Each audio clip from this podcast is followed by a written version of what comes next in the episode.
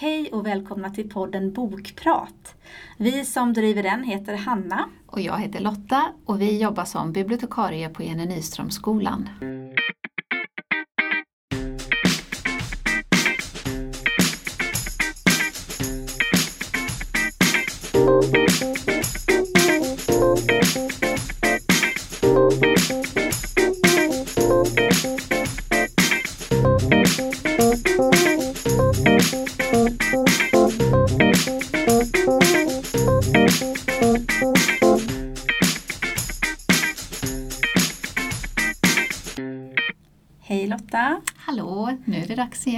Podda. Precis, och nu har vi haft lite långledigt. Lite Kristi himmelfärdshelgen har ju precis varit. Har du hunnit läsa massa?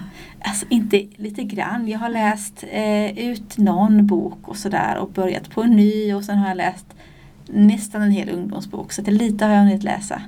Men det var ju så fint väder i början av helgen så då vill man ju vara ute. Ja, precis. Jag har också haft lite svårt att hinna med, men jag har lite som du, många på gång. Ja, Men vi, vi har ju två bra tips med oss idag i alla fall. precis, verkligen. Mm. Och du gillade ju verkligen den boken du har med dig. Ja, jag har läst en lättläst bok som heter Under fullmånen skriven av Lisa Farare. Och jag, läste på, jag vet ju vem hon är för hon är ju egentligen om hon är utbildad kock, men jag vet att hon brukar skriva ganska roliga matkrönikor för någon tidning. Så därifrån känner jag till henne lite. Och jag visste faktiskt inte att hon var skönlitterär författare också, men hon hade skrivit vuxenböcker innan.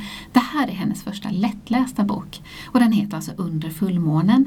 Och den har något, det är liksom en saga för vuxna kan man säga. Den har liksom ett eh, magi, ett magiskt, eh, någonting magiskt över sig. Mm. Eh, Men egentligen är det inte så mycket den här Alltså den här magin finns med i boken för det handlar om en månbagerska som bakar månkakor. Eller, och det kan ju låta nästan lite barnsligt eller Mm. lite löjligt. Men det är inte det som är liksom poängen i boken. Utan det är mera det här att återupptäcka känslor från barndomen eller de längtan man har haft med sig men som man liksom har glömt bort i livet. Den är väldigt enkelt uppbyggd. Den börjar första kapitlet med att man får träffa Sissi som driver ett café och Ali som är en ung kille som har kommit som flykting till Sverige som hjälper henne att städa i kaféet. Och denna kvällen stannar han kvar i kaféet för att städa undan och Sissi åker hem och så kommer den här månbagerskan till kaféet. Och han blir ju först med, men hon har någonting så här magiskt i sig så även om han blir förbluffad och undrar vad hon ska göra här så känns det så självklart att det är ju här hon ska vara. Det är klart att hon ska baka med sitt gyllene mjöl i köket och så. Gyllene mjöl. Ja men det är det. Det är, det. Det är så det blir månkakor, det vet du ju. Ja, precis. det är så det funkar. Och sen så är boken, sen kommer det gäster till det här kaféet under natten eh, och varje gäst har ett kapitel så på det sättet blir boken väldigt lätt att hänga med.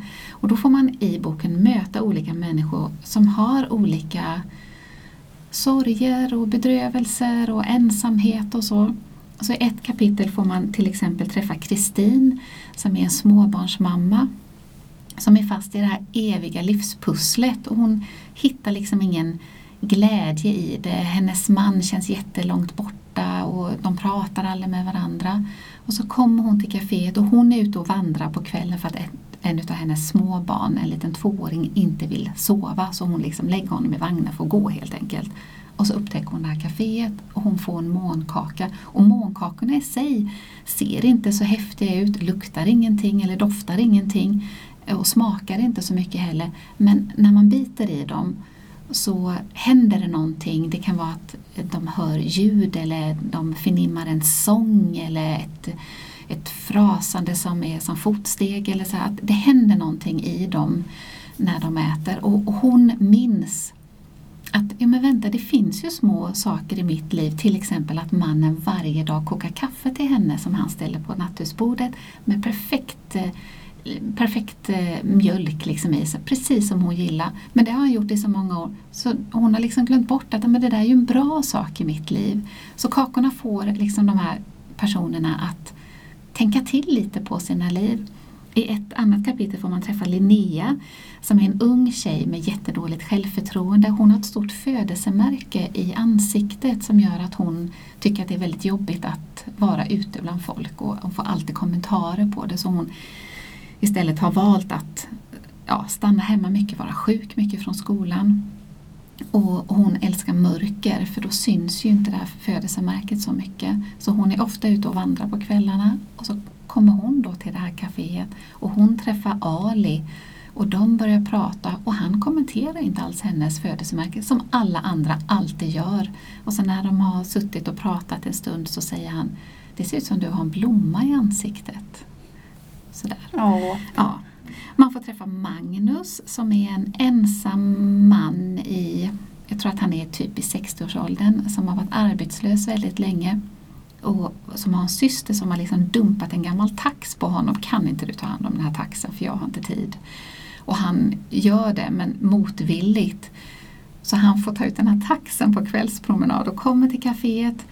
Och när han äter den här kakan så kommer han ju på att ja, men den här taxen är ju superförtjust i mig och de, det, det, är ju därför jag lever, för att den här taxen behöver mig. Så de, han liksom bondar med taxen. Ja, men så fortsätter boken, att man får träffa på de här olika äh, människorna som får en månkaka och får liksom ett nytt perspektiv på sitt liv.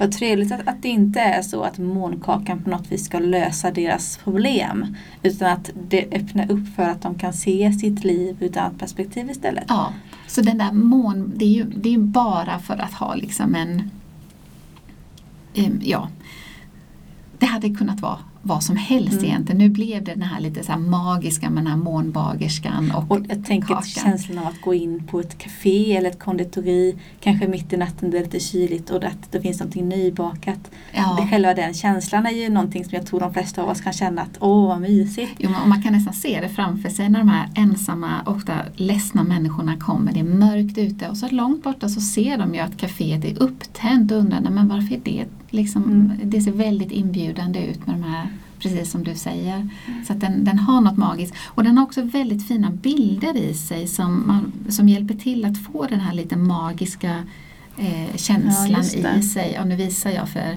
Hanna här men ni som sen lånar boken får se själva. Mm. Eh, och sen har den ju alla de element som man brukar tänka med en lättläst bok med eh, lätta ord, korta meningar, korta kapitel så jag tycker att den här passar eh, och den är ju en vuxen bok faktiskt. Eh, så att eh, den, även om det kan låta barnsligt så är den inte det utan mm. man blir väldigt glad av att läsa mm. den.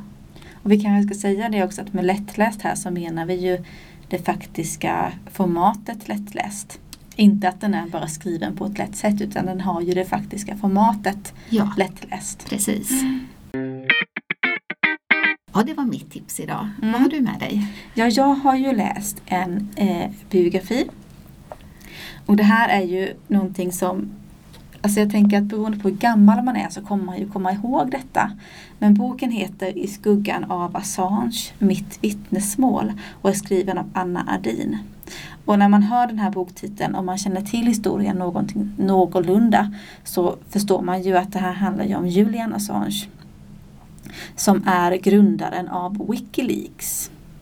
Eh, och den här början tar sin början i 2010 och det är precis när Wikileaks börjar bli väldigt omtalat och stort. Och därmed blir också Julian Assange eh, väldigt omtalad och stor eh, som dess grundare. Eh, och den, eh, det här handlar alltså om att år 2010 så blev Assange anklagad för att ha begått ett antal sexuella övergrepp.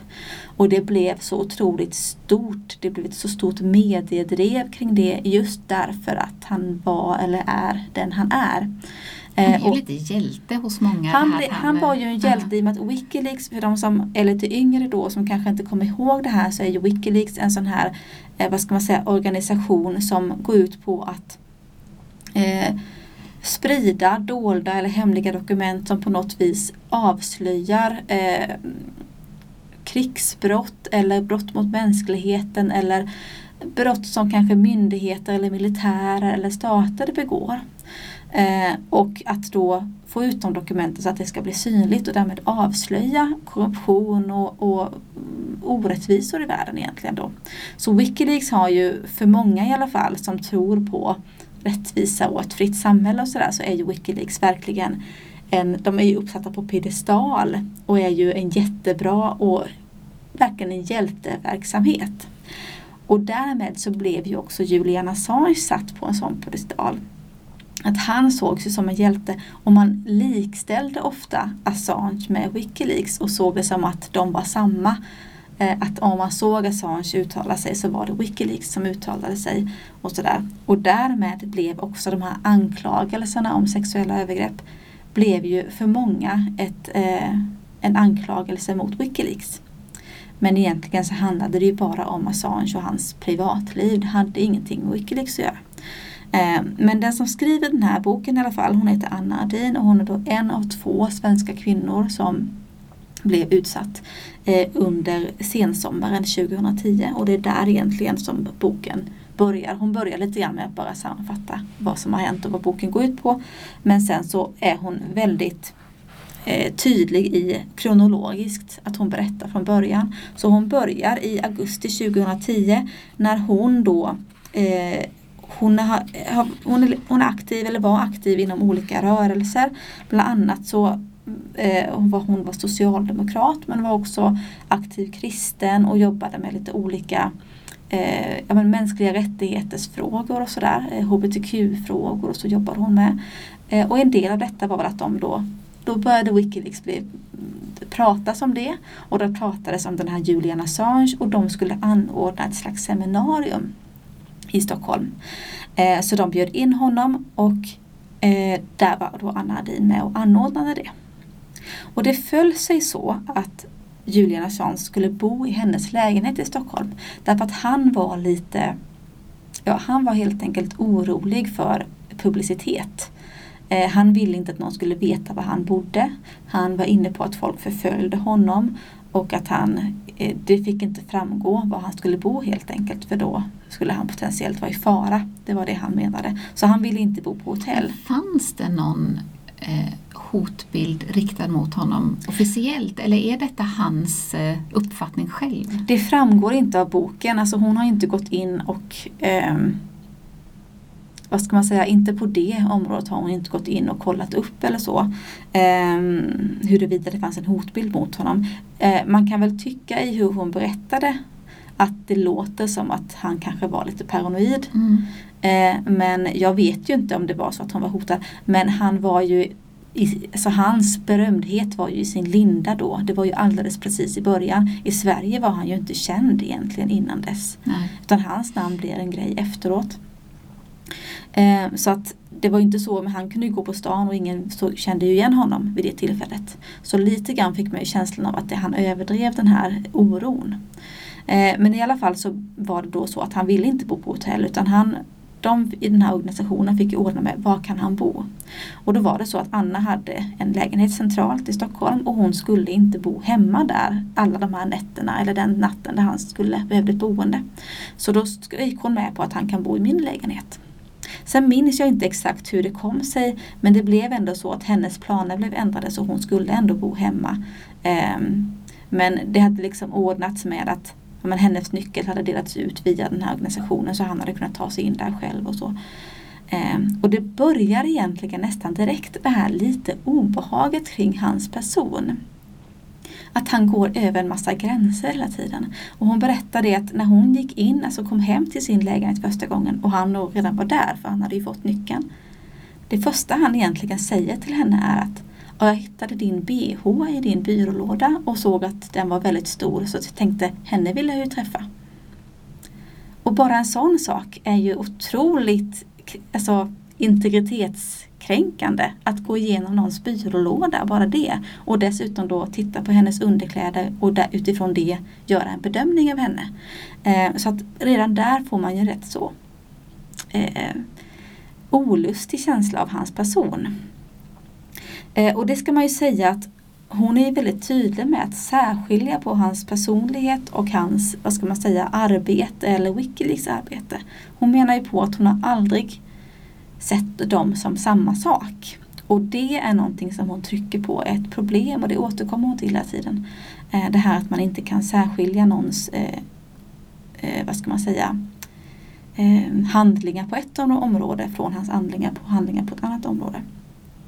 Men det som händer i alla fall i boken är ju att de, men de går ut och äter och sen på kvällen de dricker lite, pratar lite, hånglar lite och när Anna förstår att han vill göra mer så funderar hon på, vill jag detta? Ehm, och sen så någonstans så landar hon väl i att ja, men hon kan tänka sig att hångla och strula runt lite med honom men hon är inte precis inne på att de ska ligga ihop. Men i alla fall när de väl ska gå och lägga sig, han har redan somnat till och hon tänker nu går jag och lägger mig. Men då vaknar han och han börjar då göra närmanden på henne. Och hon ställs inför en situation som hon själv beskriver det. Ska jag här nu? För han är rätt så våldsam och brysk. Alltså han trycker ner henne, håller henne runt halsen, håller henne runt armarna. Det är ju ett, en form av tvång i detta. Men hon ställer sig, ställs inför, ska jag skrika? Ska jag stå emot?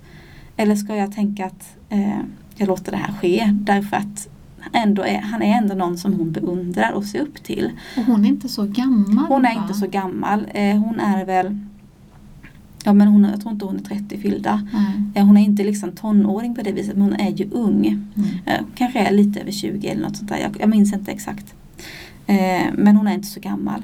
Och det här är ju en person som hon ser upp till och som har makt och, och en position. Så hon beskriver ju nu i efterhand då att hon någonstans fick ställa inför sig, alltså, vad, vad leder det till om jag börjar skrika här nu? Eh, om jag påkallar uppmärksamhet till detta eh, jämfört med om jag bara låter det ske och tänker att det här det blir en lite mindre behaglig, inte så bra sexupplevelse men det är det det blir.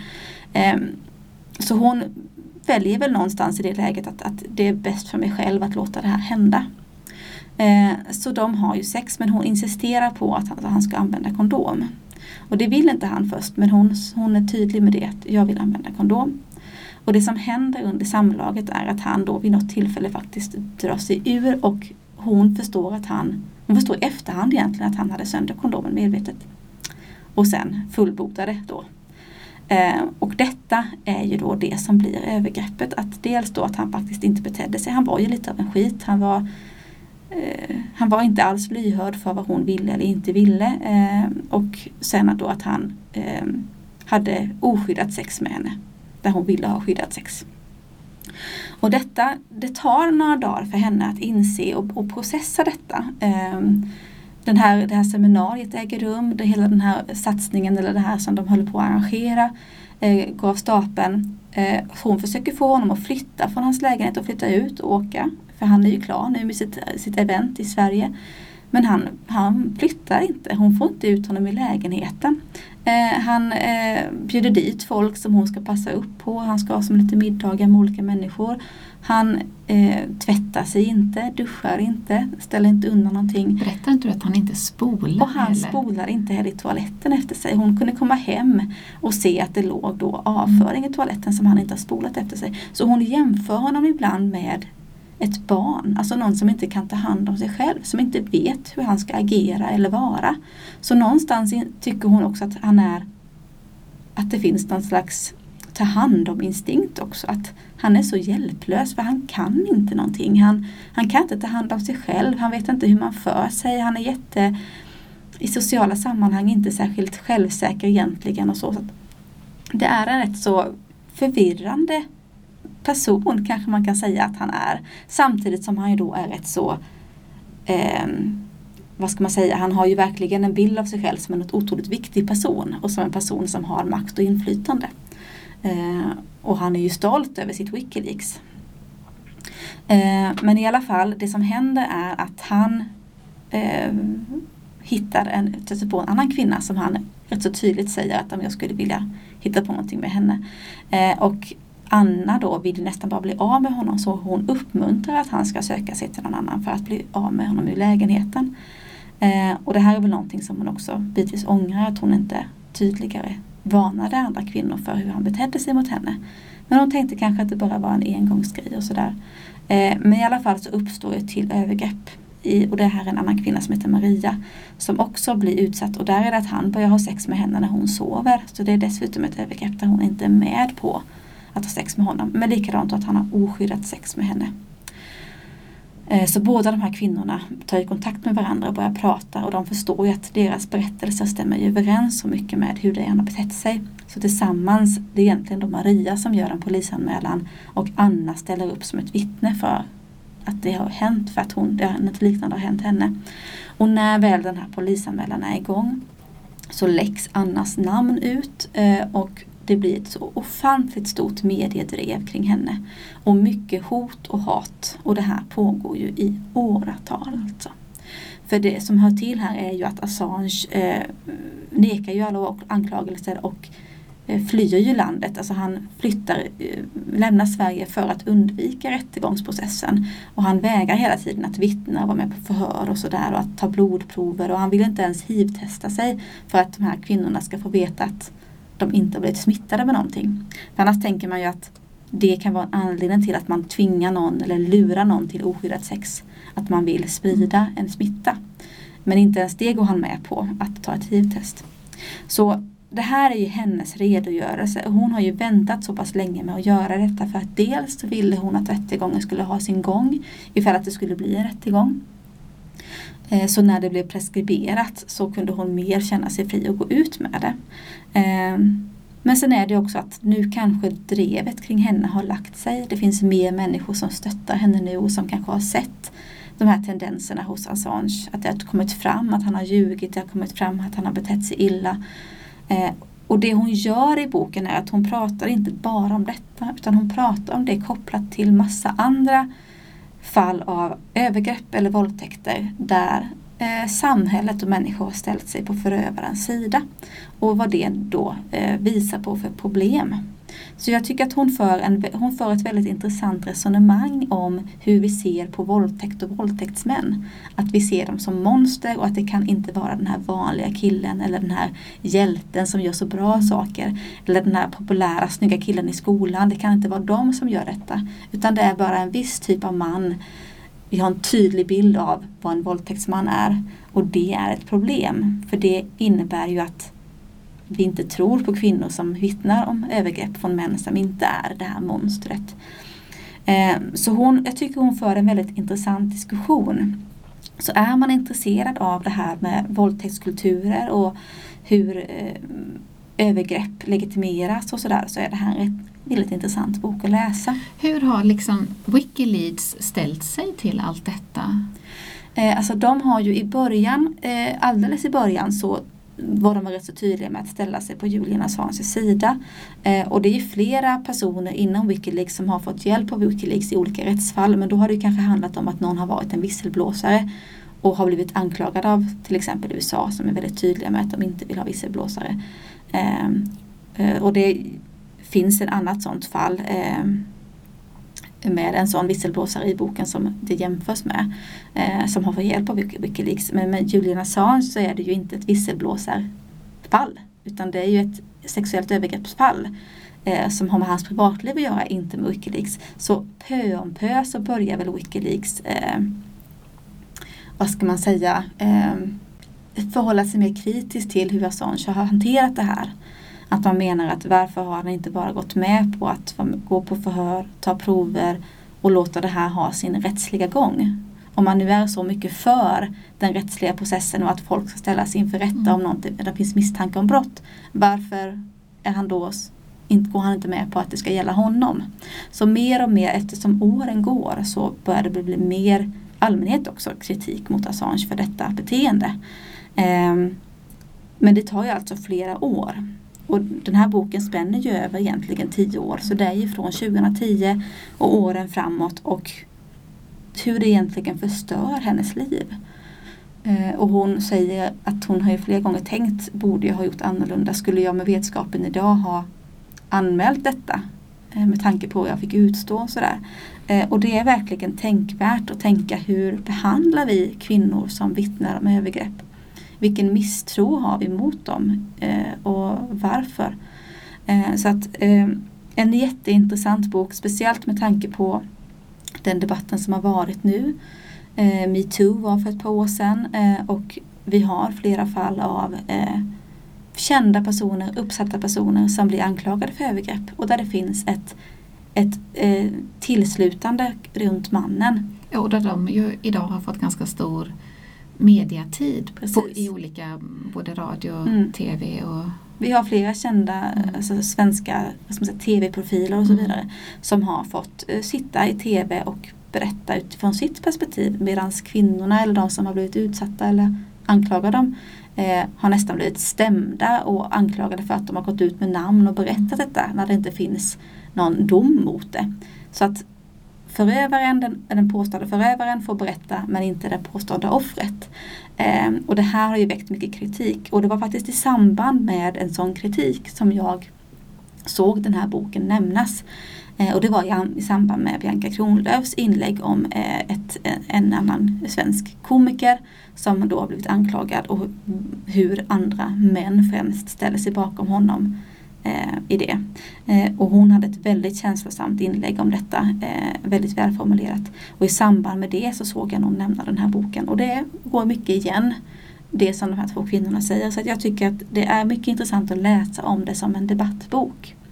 Ehm, sen kan man ju alltid diskutera det här med att det är hennes berättelse och jag upplever det som att hon har varit väldigt tydlig med och med sina uppgifter och datum och personer och sådär. Eh, upplever jag i boken att hon är väldigt tydlig med. Så jag ser ingen anledning till att misstro henne eller så.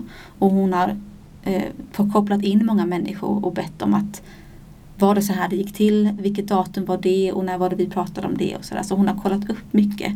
Eh, så det hade ju varit intressant redan för tio år sedan att höra vad Assange säger om detta. Men han har ju valt att helt ställa sig och undanfly den här rättsprocessen och det gör han ju fortfarande idag. Ehm, så att det är ett väldigt intressant fall och sånt här Assange-fallet är ju liksom stort. Ehm, så vill man läsa in sig och förstå mer vad det handlar om så är den här boken tror jag en bra ingång. ja. Det blev mycket prat idag om detta. ja men det är ju en sån, det, ju, det finns ju så mycket att säga. Ja, och det är nästan svårt att sammanfatta en sån här bok Ja. utan att ge kontexten kände jag. Ja. Eh, men det är intressant med den här typen av böcker som ändå belyser en samhällsdebatterad fråga tycker jag. Den är ju ganska tjock. Hur upplever du den att läsa? Skulle du säga att den är lättläst eller känns den tung att Den läsa? är, den är lätt att läsa, den är rakt på. Eh, den är inte svår i språket eh, och den är ju som du ser nu visar dig att det är tydligt upplagt i Nästan datum. lite dagbok. Det är nästan lite dagbok. Ja. Hon har verkligen gått igenom att det här datumet hände det och sådär. Eh, Så hon har verkligen gått igenom kalendrar och pratat med folk helt enkelt. Eh, Så att den är absolut inte svårläst eh, och ligger på kanske en eh, 300 sidor eller sådär. Mm, en viktig bok. Viktig bok. Det var det vi hade idag. Precis, Då hörs vi om en vecka. det gör vi. Ha det gott. Hej! Hejdå.